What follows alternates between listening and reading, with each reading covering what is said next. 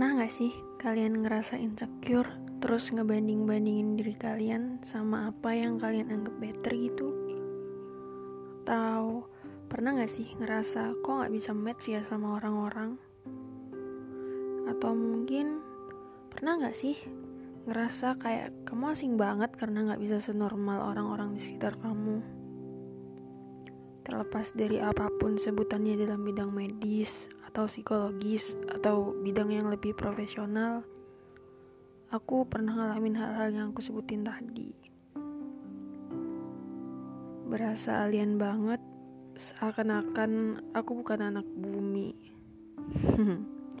Alay ding, nggak gitu juga sih. Tapi emang rasanya asing banget. Ngobrol sama sini nggak match, uh, sama yang itu juga nggak match. Susah cari yang bisa satu obrolan kadang di room diskusi pas nyampein pendapat gitu orang-orang kayak ngelirik sadis. Entah cuman perasaanku aja atau memang iya sih nggak tahu juga. Seakan-akan bilang apaan sih? Ya for your information aja. Aku dari SMP udah gila organisasi gitu. Dulu aku pernah bodoh amat pada masanya tapi setelah menginjak bangku kuliah setelah lepas dari dunia remaja menuju ke waktu transisi antara remaja ke dunia orang dewasa, apa yang aku lakuin, apa yang jadi bahan obrolan aku dan apa pun yang dari aku, jadi kayak dikategori dikategoriin dan dijadiin kelas-kelas yang aku sendiri pun nggak tahu dari mana asalnya. Stigma-stigma yang sudah mendarah daging dari zaman nenek moyang mungkin ya aku baru sadar dan paham aja sekarang ternyata kategori teman itu banyak teramat sangat banyak tergantung kamu dari kelompok mana nggak cuma temen sih dalam hal apa pun kerja, kuliah, temen nugas, temen jalan, dan lain-lain akan ada kategori dan sub-sub kelompoknya.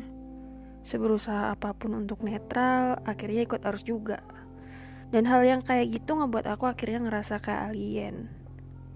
Worst case-nya adalah karena hal yang aku anggap sepele ini numpuk lama-kelamaan dan mungkin karena mungkin makin hari makin banyak asupan toksik daripada yang positif, aku jadi ngerasa agak sedikit tertekan. Terus dan terus terjadi berulang, numpuk lagi, numpuk, numpuk lagi, akhirnya jadi tertekan beneran. Kadang tiba-tiba aku ngerasa sendirian padahal lagi rame banget. Kadang aku tiba-tiba ngerasa down padahal lagi makan enak dan nonton video lucu. Aku tiba-tiba jadi ngerasa asing tanpa sebab.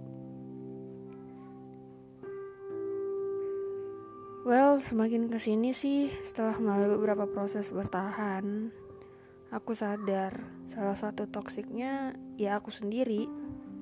Karena aku terlalu ngebandingin diri sendiri biar setara sama orang-orang seumuranku aku pengen dianggap ada aku pengen diajak berteman yang kayak mereka aku pengen bisa hedon aku pengen ini itu aku pengen dianggap sama. Tapi aku lupa satu hal penting. Nasib takdir dan jalan hidup masing-masing manusia. Nggak ada yang sama. Berusaha setara. Lucu juga sih kalau diingat-ingat. Sekarang aku menekankan ke diri aku sendiri sih. It's okay kalau orang nggak anggap aku ada it's okay kalau ada teman-teman yang katanya temanku tapi cuman skip skip storyku tanpa komen apa pun bahkan sekedar sehe atau tanya kabar aja enggak. It's okay kalau harus siapa duluan meskipun akhirnya cuma dijawab singkat kayak nggak penting itu. Mungkin aku beda sama kelompok-kelompok normal lainnya. Tapi bukan berarti aku harus nganggap rendah diriku sendiri karena aku beda kan? Beda itu istimewa kok. Aku beda berarti aku istimewa jadi aku gak perlu ngikutin standar orang lain buat diakui sebagai kawanan kelompok. Aku ya aku. Aku bangga sama diri aku sendiri dan aku bangga jadi diriku sendiri. Jadi aku gak perlu nganggap diriku rendahnya karena orang-orang gak ngelihat aku. So, ini berlaku buat kalian juga ya. Yang mungkin punya masalah yang sama kayak aku dan lagi ngerasain hal yang sama kayak aku. Nggak perlu nganggap diri kita rendah cuman karena kita berbeda. Ya, sepenggal cerita awal untuk podcast pertama aku ini tetap disaring ya. Yang menurut kalian baik, dipahami, dan diakuin. Dan yang menurut kalian jelek, yang ditiru, biar nggak ketularan toksik.